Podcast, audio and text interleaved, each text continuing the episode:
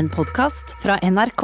Lege og kostholdsekspert Berit Nordstrand har en egen blogg, YouTube-kanal og flere egne matvareprodukter. Hun holder foredrag landet rundt og har gitt ut 13 bøker på de siste åtte årene og topper stadig boklistene. Hun har mange tilhengere, men får også kritikk fra fagfolk om at hun bedriver vranglære. Stress er ukjent for henne, til tross for at hun har seks barn og helst gjør flere ting på en gang. Dette er Drivkraft med Vegard Larsen i NRK P2. Berit Norsan, velkommen til Drivkraft. Takk for det. Lang intro. Ja, det var jo det.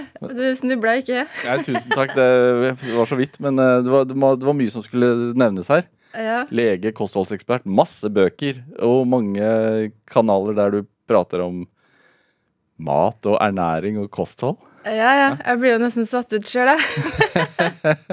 Um, men hvordan er en Altså, du, du er jo egentlig ikke fra du er, du, du er jo egentlig ikke fra Oslo, men du er i Oslo akkurat nå. Ja, Bor hos døtrene dine. Mm. Jeg føler jeg bor litt begge plassene, da. Jeg har jo tre av eh, mine seks barn boende her, og de studerer. Og jeg er så heldig at jeg kan få uh, ligge nedpå på ei seng der og treffe alle tre på en gang. Så i natt så var det sånn kollektiv uh, Ja. overnatting. Jeg ligger i dobbeltseng med en av mine døtre, og vi småskravler til langt på natt. Så ja, du, det er så herlig. Jeg er så privilegert, føler jeg da. Er det? Hva, hva, hva har frokosten bestått av? Eh, I dag har jeg spist mine egne knekkebrød, faktisk. Ja, Med god ost. Det er jo bra bakterier der. Ja. Moden ost og litt spirer og ja, en kopp grønn te og Er det Ja. sånn at når man har eh, lansert liksom sin egen, sine egne matprodukter, at man helst spiser de, eller blir man lei? Uh, Nei, jeg blir ikke lei, da, for jeg varierer jo veldig. Ja. Så jeg lager jo de produktene jeg ønsker meg sjøl.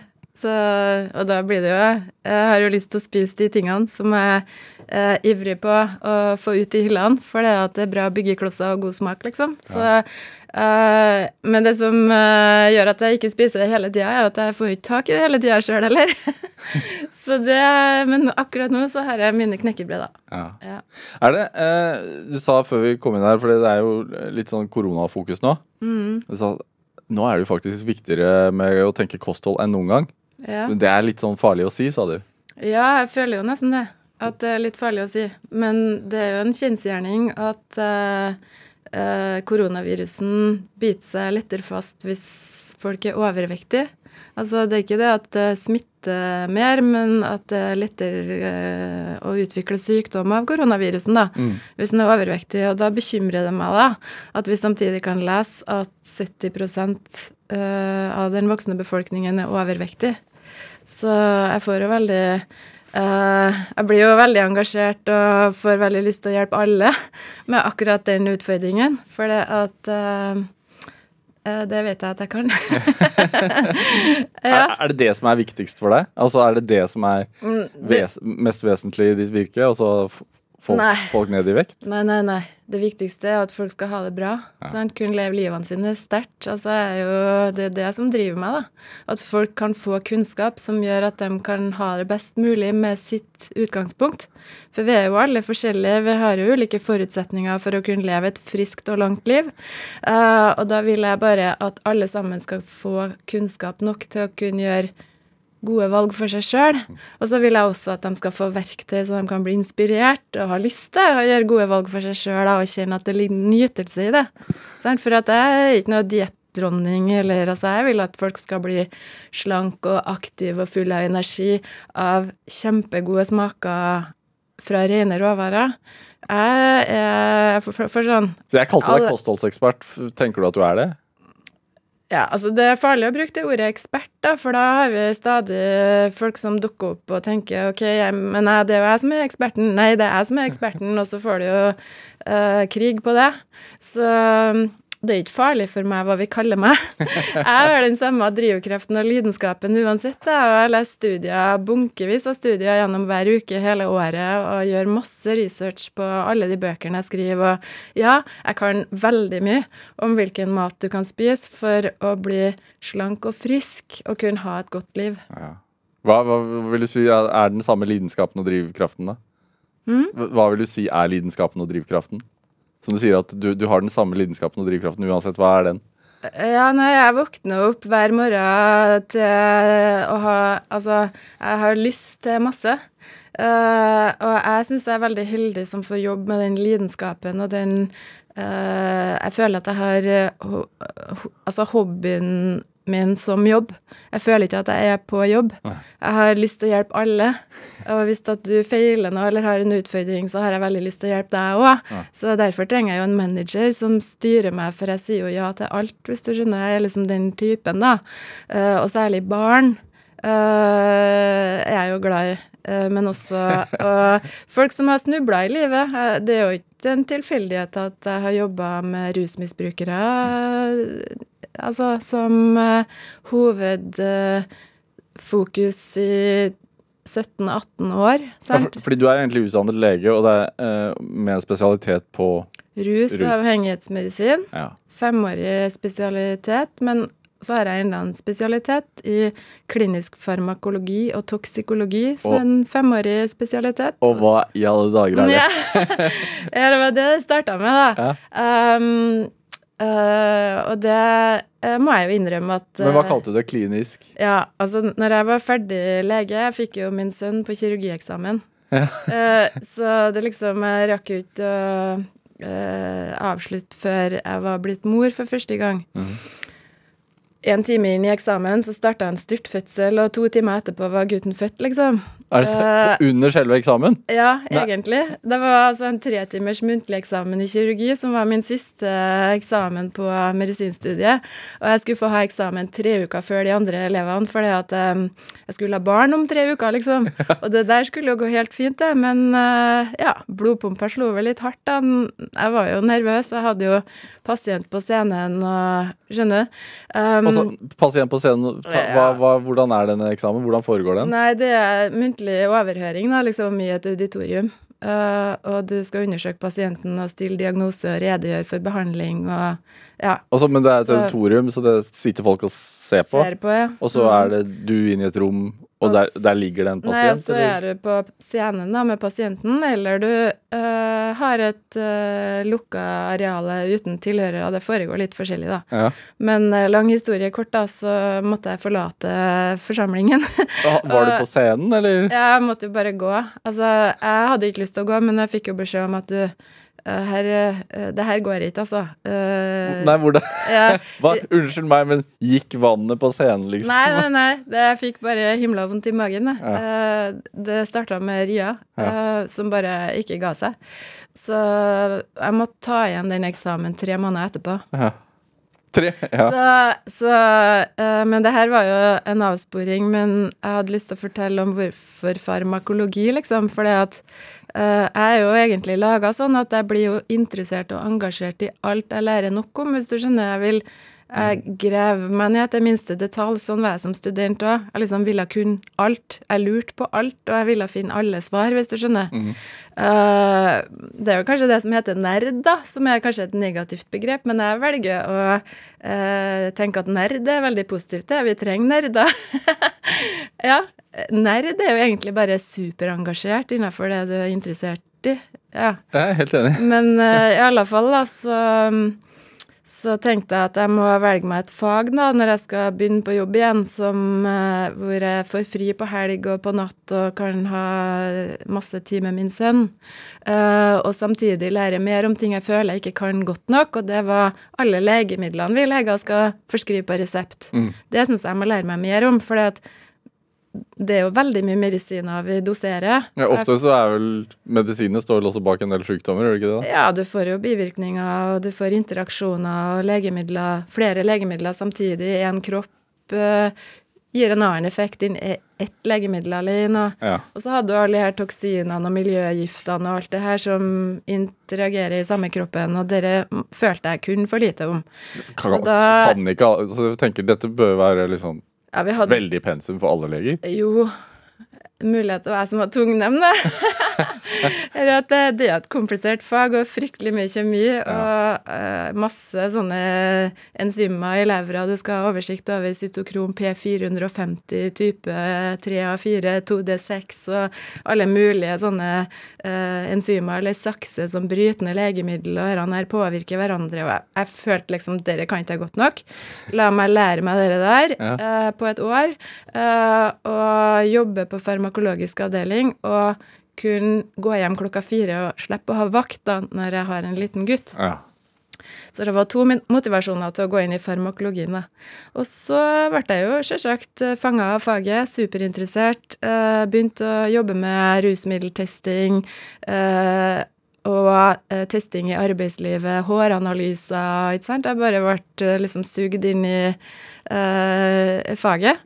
Og så etter fem år eh, så blir du jo spesialist hvis du følger de her utdanningsløpene, sant. Mm. Men så følte jeg at jeg, jeg har jo lyst til å hjelpe folk. Ja. Så det ble for mye blodprøver og urinprøver og lite mennesker, da. Eh, Så, mm, og så hadde jeg det i meg at jeg, jeg har lyst til å jobbe med eh, rusavhengighet og narkomane, da. For at jeg føler jo at den gruppen eh, Eller jeg følte i hvert fall Nå er det blitt mye bedre, da, men ehm, det var jo ikke noe spesialitet. Det var liksom ikke noe uh, prestisje i det uh, faget. Uh, følte de kanskje vært litt stemoderlig behandla. Det var ikke en del av spesialisthelsetjenesten engang uh, å behandle narkomane den gangen. Når var det? Når snakker vi? Um, nei, jeg var jo ferdig i 91 og begynte med farmakologi i 93 og ble uh, overlege uh, på metadonprosjektet, som det het, i 99. Mm. Så da jobba vi under sosialfaglig lovverk og ja, kunne utøve eh, nærmest tvang, liksom. Eh, pasientrettighetene var ikke Gjaldt ikke på samme måten der som i spesialisthelsetjenesten. Heldigvis har det der forandra seg. Rusmedisin har blitt en egen spesialitet. Jeg var jo med på å jobbe sentralt i Legeforeninga over flere år eh, for å få til det. Um, superengasjert innenfor det òg. og så fikk vi en egen spesialitet, og det er jeg kjempeglad for, for da blir legene der. Du får tak i de rette folkene som har med seg både hodet og hjertet, og virkelig vil jobbe med faget. Men Berit Nordstrand, du sitter jo her i dag som uh, Ja, du er lege, men også eh, kosthold. Det er kosthold som, som er i fokus Ja. for tiden. Ja, Hva, hva var overgangen fra det å spesialisere seg og prøve å hjelpe rusmisbrukere, til at, at du fikk et voldsomt interesse, interesse for hva vi putter i oss av Eh, mat? Ja, det starta jo egentlig når jeg fikk barn sjøl. Med, med han første, eller Ja, med Petter, ja. For han ble jo født med en kronisk virusinfeksjon. hva vil det si? Uh, nei, en, egentlig en forkjølelsesvirus som beit seg fast i magen. Som ga han uh, uh, mage... Altså fordøyelsesbesvær, eh, utfordringer eh, første delen av livet sitt, da. Ja. Eh, og så var det ei gammeltante fra Inderøya eh, som satte meg på sporet, altså søstera til min farfar, at eh, du må jo Du kan jo ikke bare tenke at det her bare skal gå over helt av seg sjøl. Du må jo altså kunne bruke mat som medisin. For det at altså kjerringa hadde passert 70 år, og hun kunne fortelle at uh, hun ble født med en kronisk virusinfeksjon faktisk 70 år tidligere. Og den gangen så brukte de jo en fløteskvett, en eggeplomme uh, Altså, de brukte jo mat som medisin. Så hun som satte meg på det sporet, da. Og nerden meg sprang jo på medisinsk bibliotek, sjølsagt, da. Eh, vi hadde jo ikke noe internett, sant. Fikk hjelp av bibliotekarer der til å søke etter studier på mat som kunne styrke immunforsvaret, osv. Uh, og jeg ble jo satt ut. Vi, det fantes jo masse forskning den gangen på hvordan du kunne bruke mat som medisin. Men du gjorde det på fritida etter å ha vært på jobben, da? Uh, ja. Ja. Uh, og det tok jo 14 dager før det landa noen studier i en konvolutt i postkassen, liksom. Den gangen var det jo sånn. Nå kan du jo gjøre litteratursøk og få all forskninga servert på skjermen. Ja, du bestilte forskning Ja, for å jeg har lese om det. bestilt studier, ja. Men hvor og leste meg meg Hvor... Og så hadde jeg ei søster også, som var veldig engasjert. Hun hadde vært utveksla eh, gjennom AFS-systemet et år i San Francisco hos en, på en farm der med en familie som eh, spiste bare rene råvarer og hadde med seg et kosttilskudd hjem som bare handla om frukt og grønnsaker, og en del studier hun ikke forsto seg så mye på, fordi hun kunne ikke det eh, artikkelspråket, og hun ville jeg skulle lese studiene og fortelle liksom, hva betyr dette her.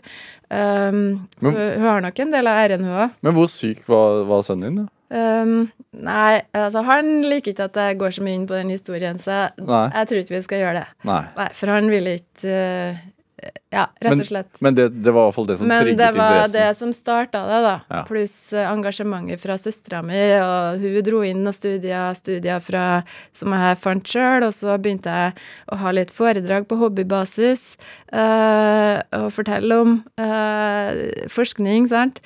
Foredrag for bygdekvinnelag og sanitetsforeninger og sånne eh, fantastiske, engasjerte damer som snakka fram god mat, sant, laga fra buen.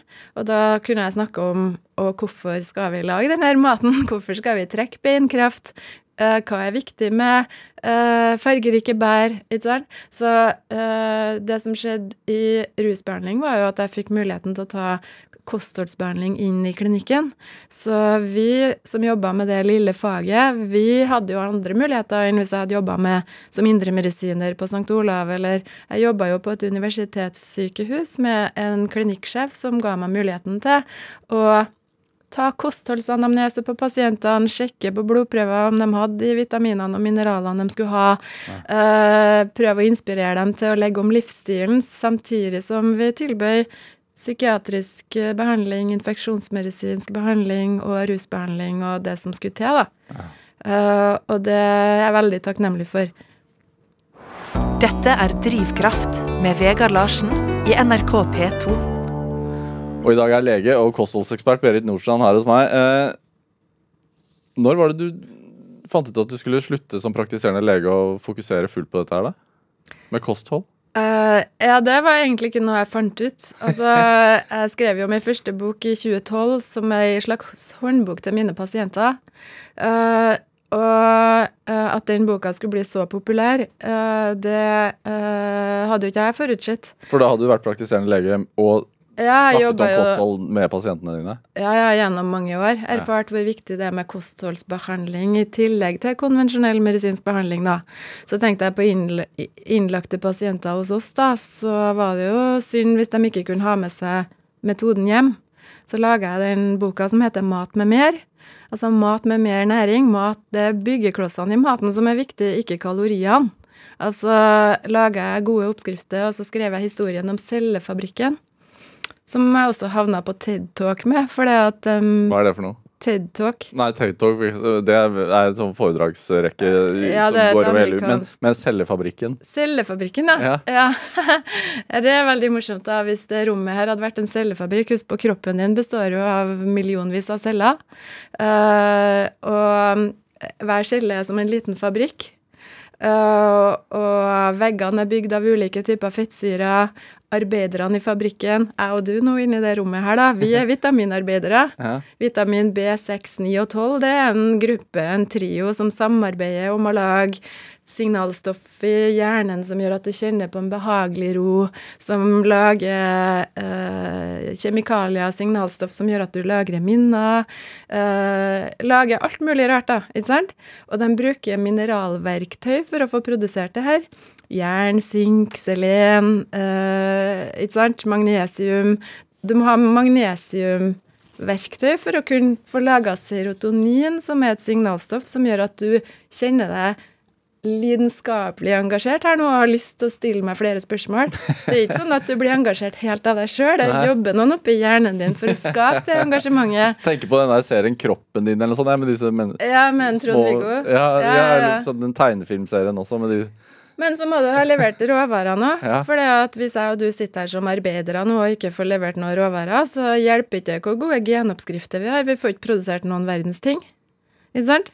Så hvis kroppen utafor oss nå, eller som vi sitter inni, eh, bare er opptatt av å veie og måle kalorier og sultefòre seg for å bli slank, ja, så får ikke vi levert de aminosyrene eller proteinene vi da som vi trenger for å lage serotonin. Og så får vi altså en slank kropp, ja, men kanskje en slank og trist en. Det er liksom til ettertanke. Jeg har lyst til å bidra til at vi spiser og koser oss med mat som gir oss de byggeklossene vi trenger for å kjenne på masse overskudd og energi, sove godt om natta. Vi produserer signalstoff i hjernen som gjør at vi har lyst til å gi bort en klem. Ja, vi skal ikke gi bort så mange akkurat nå, da, men altså det at vi blir interessert i andre og retter oss utover og har Men- Ja, skjønner altså den kjemien der lager ikke seg sjøl. Nei, men er det, er det eh, hva, hva slags kosthold er feil, da? Bare for å ta det. Så, ja, som Næringsfattig mat, da. Altså masse bearbeida ferdigmat uh, som varer uh, lenge på hylla fordi at det er tilsatt en hel rekke konserveringsmiddel. Og, ja. Altså det er lite næring. På pakken kan det stå kun 99 kalorier, liksom. Uh, så det er det folk fokuserer på, da. Uh, ja, og ikke legge på seg. telles for mye Trenger- kalorier, rett og slett. Absolutt. Dette, Vi burde ha telt byggeklosser isteden. Hva, hva vil det si? Nei, næringsstoff, da. Næringsstoffer. ja. Råvarer til vitaminarbeiderne i cellene, liksom. Ja. Men, men altså, har du telt kalorier selv noen gang? Ja. Husk på, jeg er tur gammel turner, jeg. Ja. Så jeg fikk jo altså, streng beskjed sånn i oppveksten. Uh, jeg har aldri vært uh, overvektig, men eh, sikkert litt for lubben for turn i perioder, liksom. Eh, og fikk jo litt sånn Ja. du det? Ja, at jeg måtte følge med, ja. Ja. Hvordan var det, da? Nei, altså, jeg var jo Jeg er jo Altså, jeg har jo hatt sånn litt eh, flink pike-syndrom, så jeg stoppa jo å spise etter jeg veide perfekt. Ja.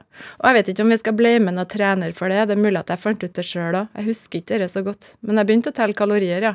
Er det, er det liksom en fare når det er et sånt fokus på sunnhet og spise riktig, at man At mat det, Altså sånn At man ønsker å leve så sunt at det også blir en spiseforstyrrelse? Ja, det er en risiko, ja. Ja. ja. Så den fella må ikke vi gå i, nei. Nei. Så det er derfor jeg har fokus på god smak først og fremst. Og at jeg vil vi skal slutte å telle kalorier, for at kroppen ordner med dere. Hvis du spiser den maten kroppen trenger, så øker jo forbrenninga di òg. Mm. Sånn at du faktisk eh, kan eh, forbrenne flere hundre kalorier mer hvis du spiser én type mat, enn hvis du spiser en annen type mat. Det tilsvarer kanskje en liten joggetur på en fem-seks kilometer, det. Ja. Altså, sånn at det er så mye misforståelse. Det er ikke sånn at kroppen er en enkel forbrenningsovn, eh, og at eh, bare du balanserer kalorier inn og kalorier ut, så er alt greit. Overhodet ikke. Vi er ikke laga sånn. Hva er det som er skylden i at eh, Fordi hvis man ser på eh, bilder fra 70-tallet, f.eks., så, var det ikke så mange overvektige. Nei. Hva er det som er skylden? Er det sånn ferdigprosessert Ja, det er ikke Det er ikke én uh, greie som er skylda, da. Det er jo masse som har endra seg. Altså, vi, ja, vi fikk uh, mindre mat laga fra buren. Vi fikk mye mer uh, lettvinte løsninger. Mikrobølgeovnen kom inn. Vi fikk masse eh, raske retter.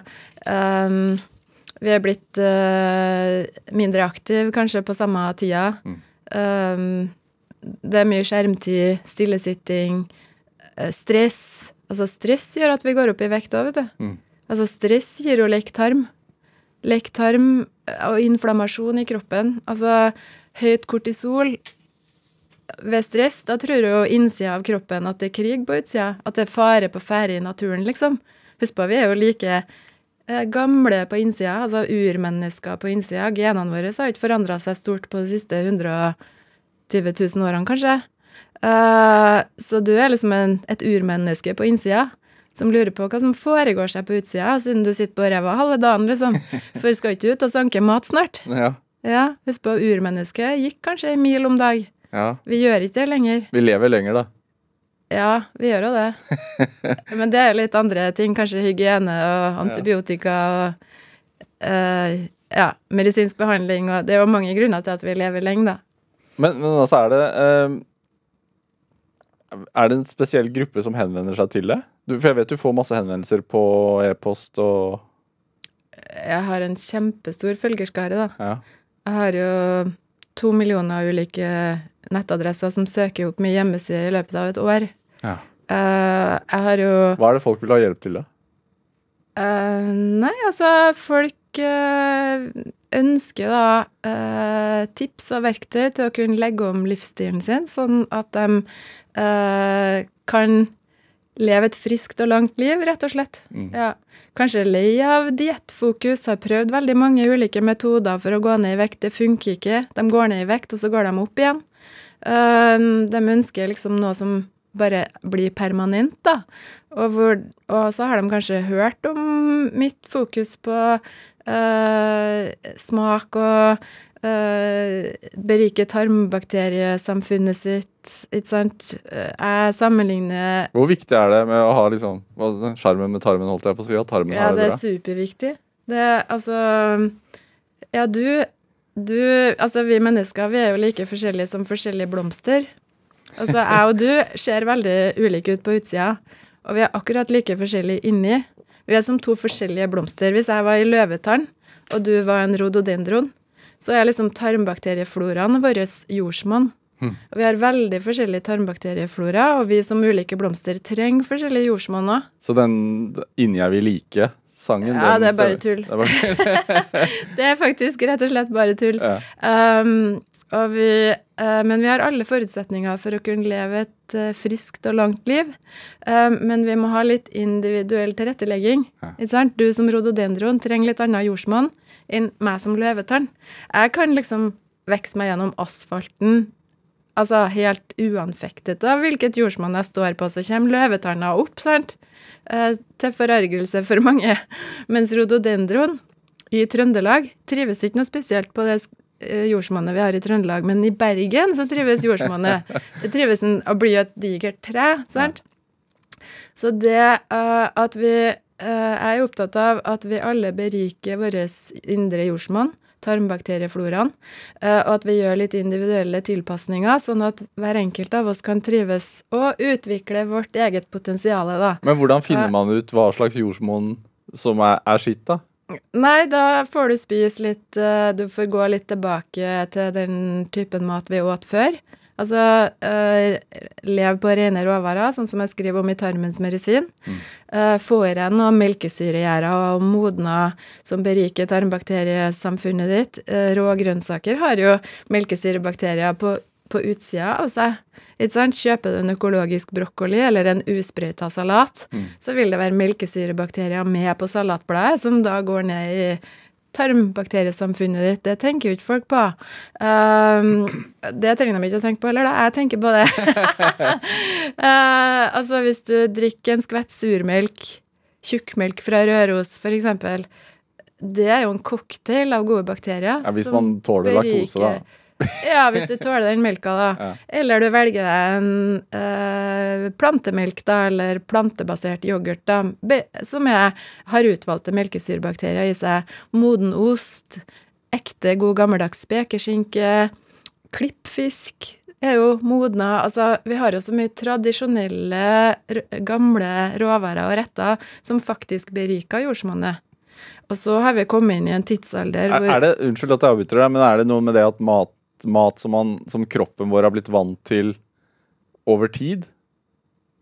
Mm. Det, har det noe med det å gjøre? Altså at, For alt det du sier av de gamle jo... Uh, Nei, vi spiser mye død mat nå. ja, ja, det var men, det men som var poenget mitt. ja, ja, tidligere så konserverte vi maten gjennom å modne og melkesyregjære. Ja. Og da fikk vi eh, bakterier overalt. I surdeigsbrødet og i surmelka og i osten og alt det vi hadde melkesyregjære. Men så har vi kommet inn i en tidsalder hvor vi spiser mye død mat, da. Fordi det er liksom ultrapasteurisert, og det er konservert med E-nummer, og det er liksom ingen bakterier noen plass. Og da kommer det jo ingen bakteriearbeidere ned i mørket bak din navle gjennom maten du spiser. Aha. Ikke sant? Det gjør jo ikke det. Og før i verden så gjorde det det. Så, og i tillegg så får du i deg masse ting som er dårlige for tarmfloraen din, da.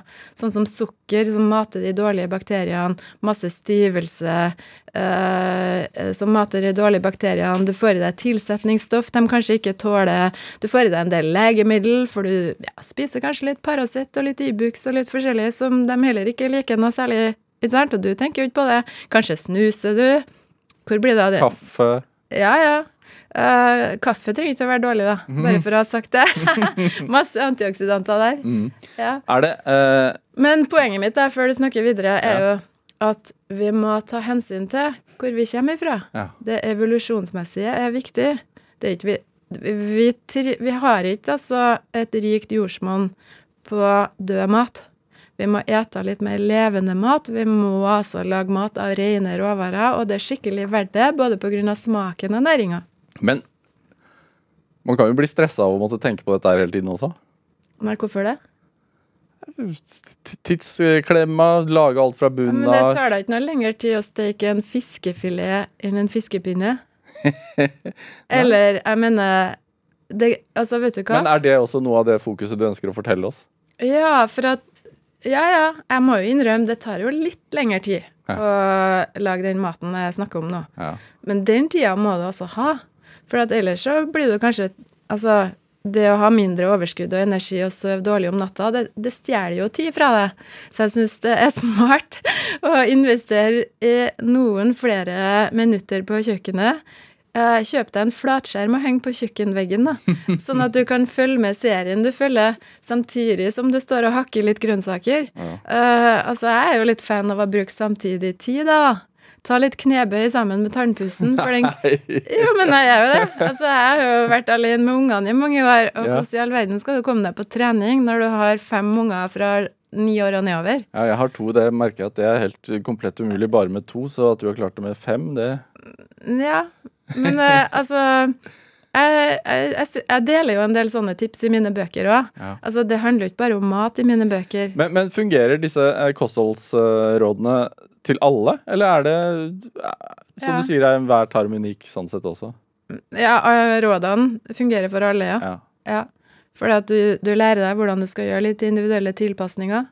Um, og, Eliminere produkter, da. Ja, som du kjenner at du ikke tolererer særlig godt. Ja. Og så får du lære deg hvordan du skal gjøre for å tolerere det igjen, da.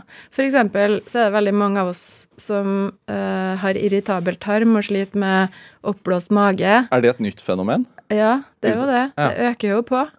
Uh, og det vil jeg si inntil motsatt bevist handler om en forstyrra tarmflora.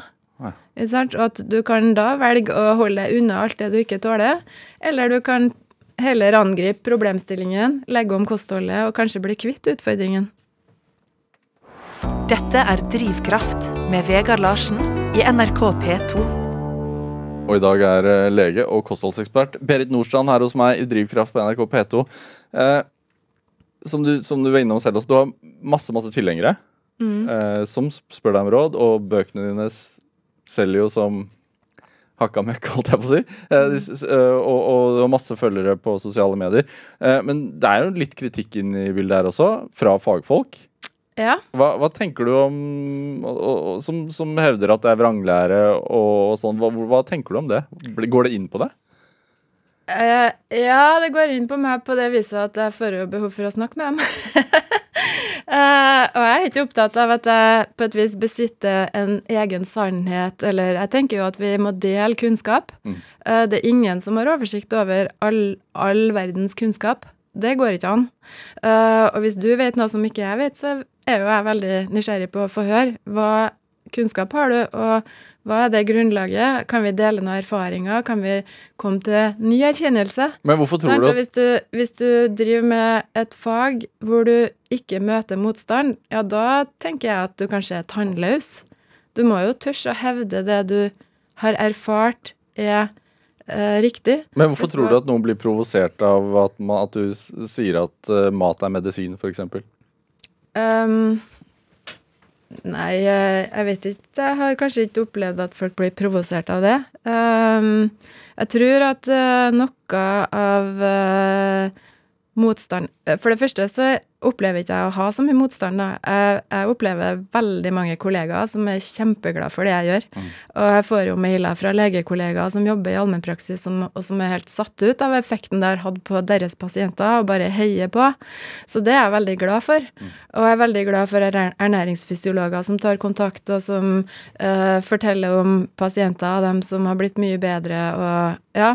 Uh, så jeg vil jo bare jobbe sammen med andre faggrupper. Jeg som lege eh, Det er flott at jeg som lege har masse kunnskap om kosthold, og vi trenger enda flere ernæringsfysiologer eh, inn på alle sykehusavdelinger. Eh, vi trenger å være mange flere fag, eh, fra ulike bakgrunner som har innsikt i hvor viktig mat som medisin er. Er det altså, Eh, det er altfor få kliniske ernæringsfysiologer, det må jeg bare si. Eh, vi trenger både ernæringsterapeuter fra Tunsberg og, fra, eh, og ernæringsfysiologer fra Oslo Mitt, og vi trenger leger som har i grunnutdanninga si mange flere timer om hvor, hvordan de kan veilede pasienter i å gjøre bedre livsstilsvalg, for det har vi altfor lite kunnskap om. Men er det litt sånn at man kan tenke sånn Å, jeg føler meg jeg føler meg litt nedfor, jeg føler meg ikke så glad. Og, så kan, har man i en periode glemt å spørre hva spiser du egentlig? Ja, vi har altfor lite fokus på det. Ja. Vi har en ordning for fastlegene som heter grønn resept. Men da må du ha blitt overvektig og hjertesyk for å få den kostholdsveiledninga. Hva er det for noe, da? Nei, grønn resept, da får du altså råd om eh, å endre livsstil, da, og du kan eh, henvises til, til grupper, eh, treningsgrupper. Eh, det er mange forskjellige virkemidler du da har. Mm. Men jeg tenker at vi skulle ha i langt større grad hatt eh, mat som medisin og livsstilsendring som verktøy for oss alle sammen. Da. For alt som handler om livsstilssykdommer, vil jo ha effekt av endra livsstils... Eh, endra livsstil. Ja. Det er jo sånn. Bør, 70% av alle fastlegebesøk er livsstilsrelatert. Det er bare 30% som ikke er det. Det. Det vil si at vi bør ha eksperter på livsstilsgrep inn sammen med fastlegen, tenker nå jeg, da. Det er jo det som ville vært det beste, hvis vi kunne ha samarbeida uh, om å få denne pasienten frisk. ja, så trening og kosthold på, på resept, rett og slett? da. Ja, det tenker jeg. Ja. Så det, så det er en sammenheng med det at øh, overvekten og Tenker du at det er en sammenheng mellom det, altså overvekten og også liksom økende vet ikke om økende fokus på, på depresjon? At, at man sitter for mye stille og spiser feil? Ja, det er jo Det bidrar jo til Ja. uh, at folk blir trist. Ha- Har du Det bidrar til det. Og jeg tenker jo ikke Det jeg er veldig opptatt av, da, er jo at dem som er blitt overvektige Husk på, de har en kropp som herjes av inflammasjon. Og Det var derfor jeg skrev boka Omstart 30, for at folk skal kunne legge om kosten og kjenne på mer overskudd, for å så ha lyst til å ut og gå. Det smerter mitt hjerte eh, at overvektig ungdom oppfordres til å ut og jogge. Bare det. For de sliter jo med lite overskudd. De har kanskje sovet dårlig på natta. De eh, ja, er i perioder deprimert på grunn av de livsstilsvalgene de har tatt over en lengre periode.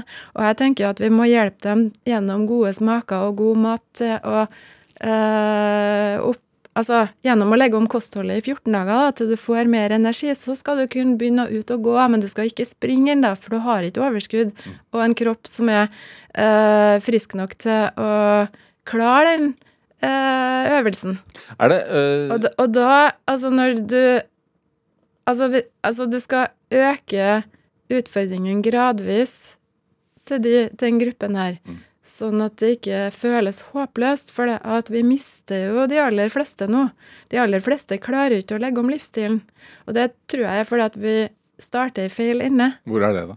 Ja, vi starter i feil ende når folk skal bevege seg mer når de ikke har overskudd til det. Eller de skal bevege seg mer når de ikke har en kalender som har plass til det. Altså, vi må hjelpe folk med de verktøyene som skal til for at de skal på en uh, få inspirasjon, engasjement, overskudd først, og så kan vi liksom uh, innføre denne aktiviteten litt gradvis og forsiktig. Ja. Det skal være gøy, vi skal ha det bra, sant? Er det har, har du fått altså, Er du opptatt av at det er vitenskap belegg når du gir rådene? Absolutt. Ja. Ja, kunnskap er jo en kombinasjon av erfaringsbasert Ja. og forskningsbasert øh, øh, kunnskap.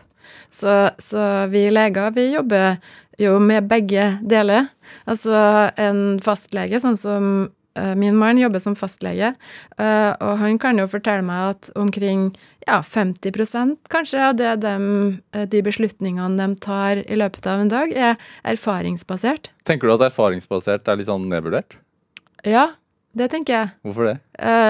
Eh, jo, for det at uh, det er liksom kunnskapen er rangert. Hvis det ikke er dobbeltblinda, randomisert og dobbeltdummy tester, liksom, så er det ikke like verdifullt. Du, Men det er det du sa nå, skjønte jeg ingenting av. Dobbel, hva du sa nå? Dobbel rand? Ja, ja. Randomisert forskning. Hvis Ja. du tar 1000 pasienter og, og tilfeldig trekker dem ut i to forskjellige grupper, og så skal legen og pasientene ikke vite hvilken metode de uh, blir utsatt for, og så skal du i enden da med en lege som er blinda for hvilken terapi du har tilbudt, Ja. oppsummere resultatene. Da er det liksom randomisert, altså loddtrekning i forskjellige grupper. Eh, eh, dobbel blinda, både pasienten og legen vet ingenting. Eh, og eh, dem som vurderer resultatene i enden, aner ikke hva som har foregått seg. da har du et elegant design. Men det er ikke mulig å gjennomføre på alle eh, områder, eh, og kosthold i særdeleshet. Eh, du smaker jo det du putter i munnen. Eh, det, og du har ikke kontroll på hele livsstilsflata. Du kan ikke sette mennesker på bås og vurdere effekten av kakao over ti år. Liksom, det går ikke an, det. Så du må basere deg på en del dyrestudier. Du må basere deg på eh, store observasjonsstudier. Eh, det blir ikke alltid den mest elegante forskningsdesign når det kommer til kosthold. Og så er vi jo så forskjellige, da.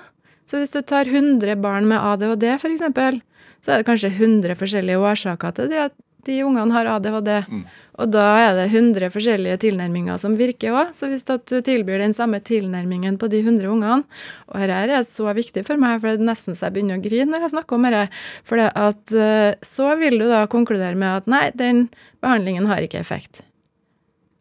Um, nei, men hvis du tar ett av de barna og eh, prøve å tilrettelegge litt mer individuelt den tilnærmingen du gjør med kosten til det ene barnet, den ene vakre blomsten, Mm. på den ungen sitt jordsmonn, så vil du kunne få fantastiske resultat. Og det eh, sliter jeg med å godta at vi ikke gjør mer av. Mm. Jeg syns vi burde ha tilbudt både barn og voksne med helseutfordringer mye mer individuell tilnærming. Er for kostbart, da, kanskje? Åh, jeg tenker at det er for kostbart å la være. Men er det litt sånn, hvis man blir lykkelig av å spise en plate melkesjokolade og en hvetebolle hver kveld, så bør man kunne fortsette med det, eller? Eh, nei. Nei? nei, nei. Du. Du, på skrotmatdagen kan du få det. Eh? Ja, ja. På Ja, vi må ta tilbake den gamledagse lørdagen. Okay. Skrotmatdagen kaller jeg det. Okay. Da kan du spise skrotmat. Da, da kan du få sjokoladepålegg på brødskiva. Du kan få frossenpizza til kvelds. Men hvem er det som vil ha det, da, når, vi, når du er blitt vant med å lage deg så mye godt? Det er gammeldags type, Norsan. Hæ? Du er litt gammeldags da. Lørdagsgodt og Ja, men det var jo det jeg sa. Vi er jo gamle inni. vi må ta hensyn til det. Du vet, Tarmbakteriene tåler ikke at du spiser bare skrot. Nei. Dette er Drivkraft med Vegard Larsen i NRK P2. Og i dag er lege og kostholdsekspert Berit Nordstrand her hos meg. Altså, du vokste opp på Stjørdal. Ja. Hva slags plass eh, var det å vokse opp? Stjørdal? Ja. Nei, det var fint å vokse opp på Stjørdal. Hva slags kjøkken hadde dere hjemme? Eh, nei, jeg hadde jo foreldre som begge var i full jobb. Mora mi pendla til Trondheim og jobba som jordmor på gamle Sedals stiftelse. Nei, vi Jeg har jo vokst opp i Toro-suppepose-perioden. altså, vi, vi hadde jo kjempegod mat laga fra buren på helg.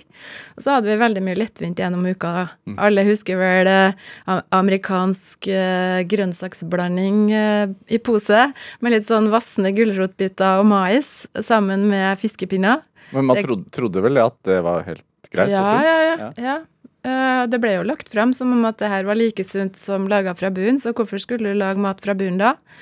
Mora mi var travel og kom hjem fra nattvakt, og det var jo sånn alle gjorde det. Mm. Og så har vi heldigvis forstått litt mer i, i dag, da. Men, men var det Så det var lite liksom matlaging fra bunnen av i ditt hjem, som du var en del av? Eh, ja, nei, jeg laga mye mat, eh, men det ble mye lettvint mat, da. Ah. Ja. Så vi hadde jo f.eks. kjøttkaker, sånn kjøttfarse som du kjøper på butikken, og så hadde vi brunsaus på pose, og så kokte vi potet, da. Vi spiste for lite grønnsaker. Vi fikk potet fra gården på Inderøya, da. Eh, for hel, all slekta mi kommer jo fra Inderøya, og det er jeg veldig stolt av. da. Der er det veldig bra matfokus. Eh, Den gylne omvei har du kanskje hørt om? Nei. Nei, der kan du reise fra gård til gård og få de magiske smaksopplevelsene fra produkt de lager lokalt. Det er ureist, det er bærekraftig. Altså, jeg har nettopp vært der og høsta råvarer fra Den gylne omvei eh, til min egen YouTube-kanal, da. Eh, og jeg får ståpels på huden altså, når jeg uh, møter folk som er så lidenskapelig engasjert i jordsmonn og mark i jorda og næring til plantene og uh, ja, altså rett og slett de jobber døgnet rundt for å kunne bidra med gode produkt. Og så vil jeg formidle da betydningen av å handle den her godt norske maten eh, for helsa. Men, men, men altså, hvem var du som, som barn, da? Fordi du sa jo litt tidligere her at, at du var sånn flink pike. Ja. Når, altså, var du det fra veldig tidlig? Ja? Ja, det har jeg jo alltid vært så lenge jeg kan huske. Hvorfor, altså. hvorfor det, tror du? Nei, jeg vet ikke. Jeg var liksom midt i en barneflokk på tre. Jeg hadde har en søster som er to år gamlere enn meg, og en bror som er fem år yngre. Ja. Um, hadde en far som var litt streng. Uh, det hadde jo mange i den. Han var um, faglærer på Stjørdal videregående skole. Engasjert politisk i Nord-Trøndelag fylke. eh, leder av Norsk faglærerlag. Pendla til Oslo her i fem-seks år. Veldig engasjert, han òg, da. Um, Hvordan var han streng, da? Nei, hvordan Nei, det var sikkert den tida at folk var litt uh, strengere, da, med ungene sine. Jeg vet ikke. ja. Jeg hadde voldsom respekt for han, i hvert fall, og det var viktig for meg å blidgjøre han. Hmm. Det var viktig hele veien, at han var fornøyd, liksom. Så um, Ja. Så jeg jobba hardt på skolen for å få gode karakterer. Uh, jeg var Jeg turna fire kvelder i uka. Jeg spilte i korps. Jeg var med en kort periode på skiskyting, en kort periode på håndball. Um, og ville til Inderøya ved enhver anledning. Jeg hadde jo lyst til å flytte dit. Jeg skrev jo i min minnebok at jeg bodde på Inderøya Mm. når jeg var sånn typ sju-åtte år. Hva drømte du om da? da? Nei, da hadde jeg lyst til å bo på heimgården til en pappa, da. Sammen med mine to søskenbarn Kirsten og Petter, og det var så idyllisk. Det var liksom Ja, du hadde solbærbuskene og jordbæråkeren, og du hadde ja, ikke noe dyr i fjøset, men du hadde gårdshunden og kattene, og jeg følte at det var det gode liv, da. Og folket var så omsorgsfulle og snille. Altså, jeg har jo alltid vært en klemmer og har lyst til å gi bort klemmer og øh, Ja, er veldig sånn stemningsmenneske. Jeg er opptatt av å lage god stemning, da. Jeg har lyst, til at du skal kose deg, for hvis du koser deg, så koser jeg meg. Og det var vel rikelig anledning til å få til på Inderøya, følte jeg. Folket var annerledes enn på Stjørdal. Ikke til forkleinelse for stjørdalingene, da. Det har jo mer med hvem du omgås, sikkert. Men nei, altså, det var sånn gjestfrihet, og det var ja, rett og slett så godt å være på Inderøya. Mm. Er det Stemmer det at du valgte kjærlighet foran familie? Etter hvert? Ja, det stemmer, det. Mm. Det har du funnet, funnet eh, på research, da. Det er ikke jeg så veldig glad i å snakke om, da, for det er litt sårt. Men eh, det Ja, jeg traff min første store kjærlighet da, i, på studiet. Et par kull over meg. Da jeg eh, var medisinstudent i Trondheim. Og han hadde ei lita datter på fire år. Fantastisk herlig lita jente, Mari. Og jeg ble forelska i begge to. Og det ble ikke så populært i heimen, da. Nei. Og det Ja. Så det er litt vanskelig. Ja. Men det sier jo også noe om at hvis du har bestemt deg for noe, så går du for det, da. Ja, jeg er veldig opptatt av gode mennesker, jeg. Jeg kunne jo ikke kappe handa av han og hun. For uh, det måtte gå an å få til begge deler. Mm. Så det gikk ikke, ja. Nei. Og jeg tror vi må begynne å snakke om noe annet. For uh, Men, ja. men, men altså, i, i forhold til det, altså fordi du har jo uh, Du vokste opp på, Stjørdal eh, og har fått masse barn og klart å kombinere Hvor mange barn? Du har seks barn? Ja. Ja, jeg fikk fem barn. Eh, Fantastisk eh, barneflokk eh, på sju år. Så det er sånn Og var lege og skrevet alle disse bøkene. Og det er, hvor, er det, hvor kommer energien til Berit Nordstrand fra, lurer jeg på. Jeg har lyst Jeg har veldig sterk lyst og drivkraft hele tida. Ja. Uh, og jeg er veldig nysgjerrig på andre mennesker. Eh, er hvor alt kommer ifra. Nei, det er sikkert en kombinasjon da, med genetikk og gode byggeklosser. Ja. ja, for jeg kjenner jo jeg blir jo helt matt og satt ut av hvis jeg spiser skrot. Så det henger jo godt sammen med at jeg har hyggelige, gode bakterier i tarmen som, som hopper rundt og vil masse. Ja. Og vil ta meg med på eventyr, skjønner du. Altså, jeg merker jo godt hvor utmatta jeg blir om jeg raner ei godteskål. Så det har jeg jo virkelig ikke lyst til. Men det merker jeg, for du, du- når vi, vi snakket jo om at du, når, når du er nå i Oslo, så bor du hos eh, tre døtre. Ja. Og det er, liksom, hvor, det er ikke så mange år mellom de. Nei, nei. Nei, de kunne ha vært tri trillinger, ja. Ja, og, det, og jeg tenker sånn så, så for Nei, mine, ja, mine barn er født i 91, 93, 95, 96, 98, og så ble jeg skilt i 99. Ja, det, det kom, på, kom på rekke og rad. Og jeg tenker sånn, når jeg har, jeg har to barn, og, og den ene er to år og fire måneder, og den andre er tre måneder. og jeg rekker jo ingenting, bortsett fra å gå på jobben og være sammen med de, og det er jo helt topp. Men, men merket du da, altså når du har fått så mange barn, at altså merket du selv at du kunne være sliten? At du måtte, altså Var det noe som trigget en omlegging av liksom rutiner og kosthold og sånn, eller kom det seinere? Jeg, jeg laga jo rutiner fortløpende for at vi skulle kunne ha det bra Ja. i flokken. Uh, laga system i gangen for votter og sko og Altså uh, Jeg har Altså, jeg liksom tenker bare helt automatisk muligheter. Liksom. Jeg laga jo eh, middag på kvelden så vi skulle komme hjem til ferdig middag. Uh, altså, du må jo bare innrette dagen din sånn at du kan klare å holde hodet over vannet, da. Ja. Og det er vanskelig hvis en allerede har drukna. Altså hvis du er offer for ditt eget stress og kaos i tilværelsen og ikke klarer å løfte over vannskorpa. Det er jo det jeg har lyst til å hjelpe til med. Sant? Så jeg deler jo med sånne verktøy og tips i bøkene mine. Hvorfor er det viktig for deg? Jo, det er viktig for meg at alle sammen har det bra. Altså Hvis du har kunnskap som jeg trenger for at jeg skal få det litt bedre, har ikke du lyst til å dele det med meg, da? Jeg har så lyst til å dele alt med deg, for at jeg bryr meg om det. Jeg vil at alle som hører på nå, skal ha det bra.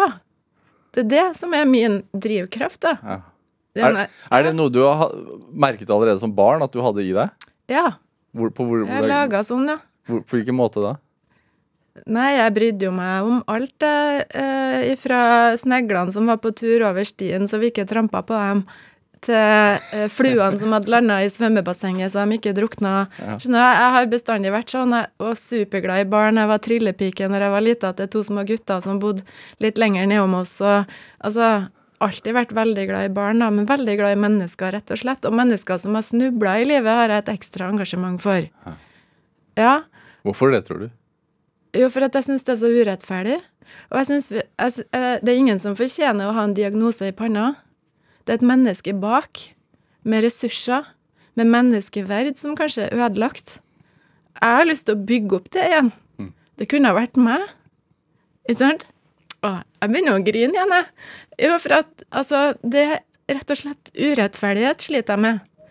Jeg kunne ha tatt med meg alle pasientene hjem. Det kan du jo ikke som lege. Sant? Du kan jo ikke det. Um, så jeg, jeg Ja, jeg ville jo bli barnelege når jeg starta ut, men jeg kunne jo ikke det, for det gikk jo ikke bra med barn med kreft, f.eks. Det tålte ikke jeg. Det kunne ikke du gjøre, da. Nei, det tålte jeg ikke. Så det, det måtte jeg slutte med. Og, så tenkt, og, det, og det med å jobbe med rus, det er en litt mer takknemlig oppgave, da. For det at du starter liksom med folk som har ødelagt veldig mye for seg, og så kan du være med å bygge opp, da. Det fantastiske puslespillet kan pusles på nytt.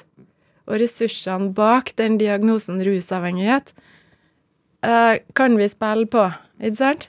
Men er det litt da sånn at Altså Du har funnet ut kanskje Nå, nå, nå får du ta, arrestere meg om jeg tar feil, altså, men at du kan hjelpe flest mulig ved å bidra til at de forandrer litt på maten? Altså sånn, Det er den enkleste måten å hjelpe flest mulig på? Eller hva?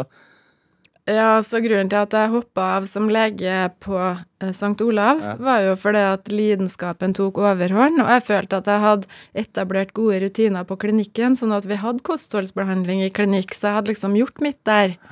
Og så klarte ikke jeg å kombinere det. Jeg begynte å jobbe annenhver uke med å skrive bøker og ha foredrag, og annenhver uke som overlege. Men da, i og med at jeg er fagnerd og lidenskapelig opptatt av alt jeg holder på med, så følte jeg jeg fikk ikke gjort legejobben min godt nok, og jeg fikk ikke gjort bokbiten godt nok. Så, og da øh, måtte jeg altså følge eh, lidenskapen og bidra til at all den kunnskapen jeg hadde samla om kosthold, kunne folk får nyttiggjort seg, hvis du skjønner. Men når du brenner så sterkt, Nordstrand, altså, er, du, er du redd for å brenne deg ut? Nei, du gjør jo ikke det når du vil så godt. Altså, jeg har jo, hvis jeg, hvis jeg har hatt som målsetting å berike meg sjøl, Ja. bygd opp en business, uh, altså telt antall bøker du selger jeg, har ikke, jeg vet ikke hvor mange bøker jeg har solgt. Jeg Jeg er ikke opptatt av det. Jeg er bare opptatt av at kunnskapen sprer seg som ringer i vannet, så alle sammen kan få det best mulig. Og jeg, opp, jeg får jo næring hver gang jeg får høre om noen som har hatt effekt av mine metoder. sant? Da er jo batteriene mine fulle med en gang. Jeg fikk et bilde på mail her ifra en pappa, en fem år gammel gutt som har fått det så mye bedre. Vet du, jeg, Tårene triller. Ja. Ja, det er jo lidenskap eh, i ukevis for meg, det. Ja. Ja. Hva tenker Du hva- fyller batteriene hver eneste dag, Ja. og jeg er så takknemlig for at jeg får jobba med det her, rett og slett. Så, og litt mottoet mitt da er at eh, gode vil det gode godt, på et vis. Altså hvis du har gode hensikter, så legg brikkene seg litt foran deg òg. Altså det dukker opp mennesker da, som vil meg godt igjen, som åpner noen nye dører. Det er jo min erfaring hele veien. Ja. Ja. Så hvis alle tenker sånn, så blir det, blir det faktisk et bedre sted. blir jo det. Ja. Ja. Og så så er ikke jeg naiv heller, da. Altså, og så tenker jeg jo at det, det er jo ikke feil at det er lønnsomt heller, det du jobber med, da, og at du kanskje kan bidra til noen arbeidsplasser. og Det er jo ikke feil, det heller. Nei. Så når det lar seg kombinere, så er jo det flott, men det er lidenskapen som driver meg, da. Berit Nordstrand, en time går fort. Tusen takk for at du kom. ferdig? Vi er ferdig. Tusen takk for at du kom hit til Drivkraft. Så hyggelig. Takk for meg. Hør flere samtaler i Drivkraft på NRK på nett, eller last oss ned som podkast. Send oss også gjerne ris og ros og tips til mennesker du mener har drivkraft. Send til drivkraft, krøllalfa, nrk.no. Vi hører gjerne fra deg. Kjartan Aarsand var dagens produsent. Ellen Foss Sørensen researchet og bidro sterkt til denne sendingen. Jeg heter Vegard Larsen, og vi høres. Du har hørt en podkast fra NRK. Hør flere podkaster og din NRK-kanal i appen NRK Radio.